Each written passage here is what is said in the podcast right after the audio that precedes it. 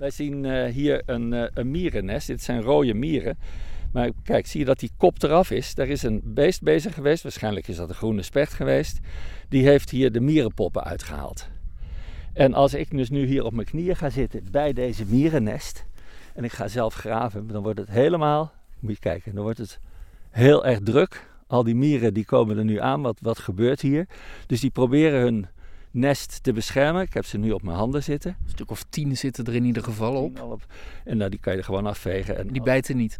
Ja, nou die bijten wel. Maar dat is uh, met zulke kleine kaakjes. je hebt daar geen last van? heb je echt geen last van. En wat ze ook doen, ze, met hun kaakjes proberen ze door mijn dikke hand, door mijn dikke huid, door het leer als het ware heen, te, heen. En dan moeten ze met hun achterlijf daar mierenzuur in spruiten. Dus dat, uh, nou, dat schiet niet op. Ik voel het wel hoor, ik voel het, maar dat is het. Maar goed, dat is, dit is hartstikke leuk. Een, uh, een mierennest, dat is een stukje leven. Maar dan ga ik weer opstaan en dan kijk ik om me heen. En dan zie ik hier afgezaagde bomen. Dit zijn grove dennen die hier in deze omgeving waar we staan, hier op de Veluwe, wel degelijk thuis horen. Maar waarom zijn die nou afgezaagd? Ze blijven, zijn wel blijven liggen, dat is geweldig. Want als je even verderop kijkt, dan liggen een hele stapel stammen die worden afgevoerd. Ja. Dat snap ik werkelijk niet. We zitten hier op de schrale Veluwe, de zure Veluwe.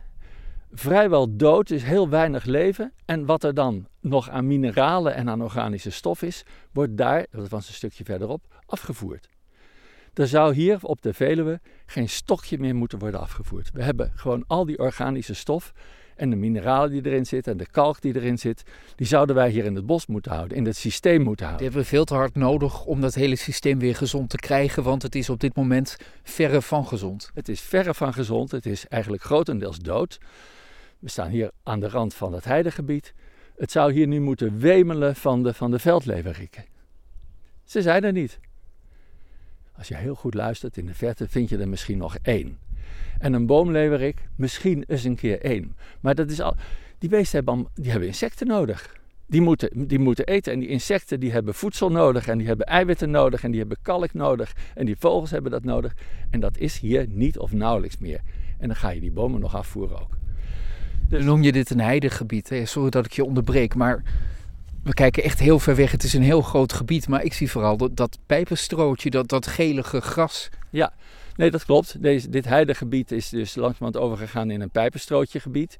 En dat pijpenstrootje, we staan in het vroege voorjaar, uh, dat is niet eetbaar. Dat is, daar zit zo weinig in. Er lopen hier ook runderen rond, maar die, die lusten dit niet. Of ze lusten het. Nee, ze, ze, lusten, ze halen er niks uit aan voedingsstoffen. Stel je voor dat je hier koe bent en je hebt een kalfje. Hoe wil je van dit armetierige gras waar niks in zit melk maken? Een kalf wat ergens geboren wordt, hier geboren wordt, die moet, melk, die moet melk hebben. En in dat melk, daar zit, als het goed is, melk, de gezonde motor, daar zit alles in. Daar hoort er kalk in. Er is hier geen kalk. Oké, dus heide probleem, want het is veranderd in pijperstrootje. De bodem is niet goed, dus die heide kan hier niet lekker groeien. Nee. Draai je nu eens om, want dan hebben we ineens een totaal ander landschap. Ja. Namelijk, we zien bos. Word je daar wel vrolijk van? Nee, daar word je ook niet vrolijk van. Ook niet. Maar we hebben ons omgedraaid, inderdaad. We kijken nou precies de andere kant uit. Maar ik zie eerst een pad en nog een pad. En dan daarachter geen bos. Jij noemt het bos. Ja. Maar dit is een beplanting.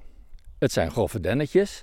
Het is zwart daaronder, het is donker daaronder.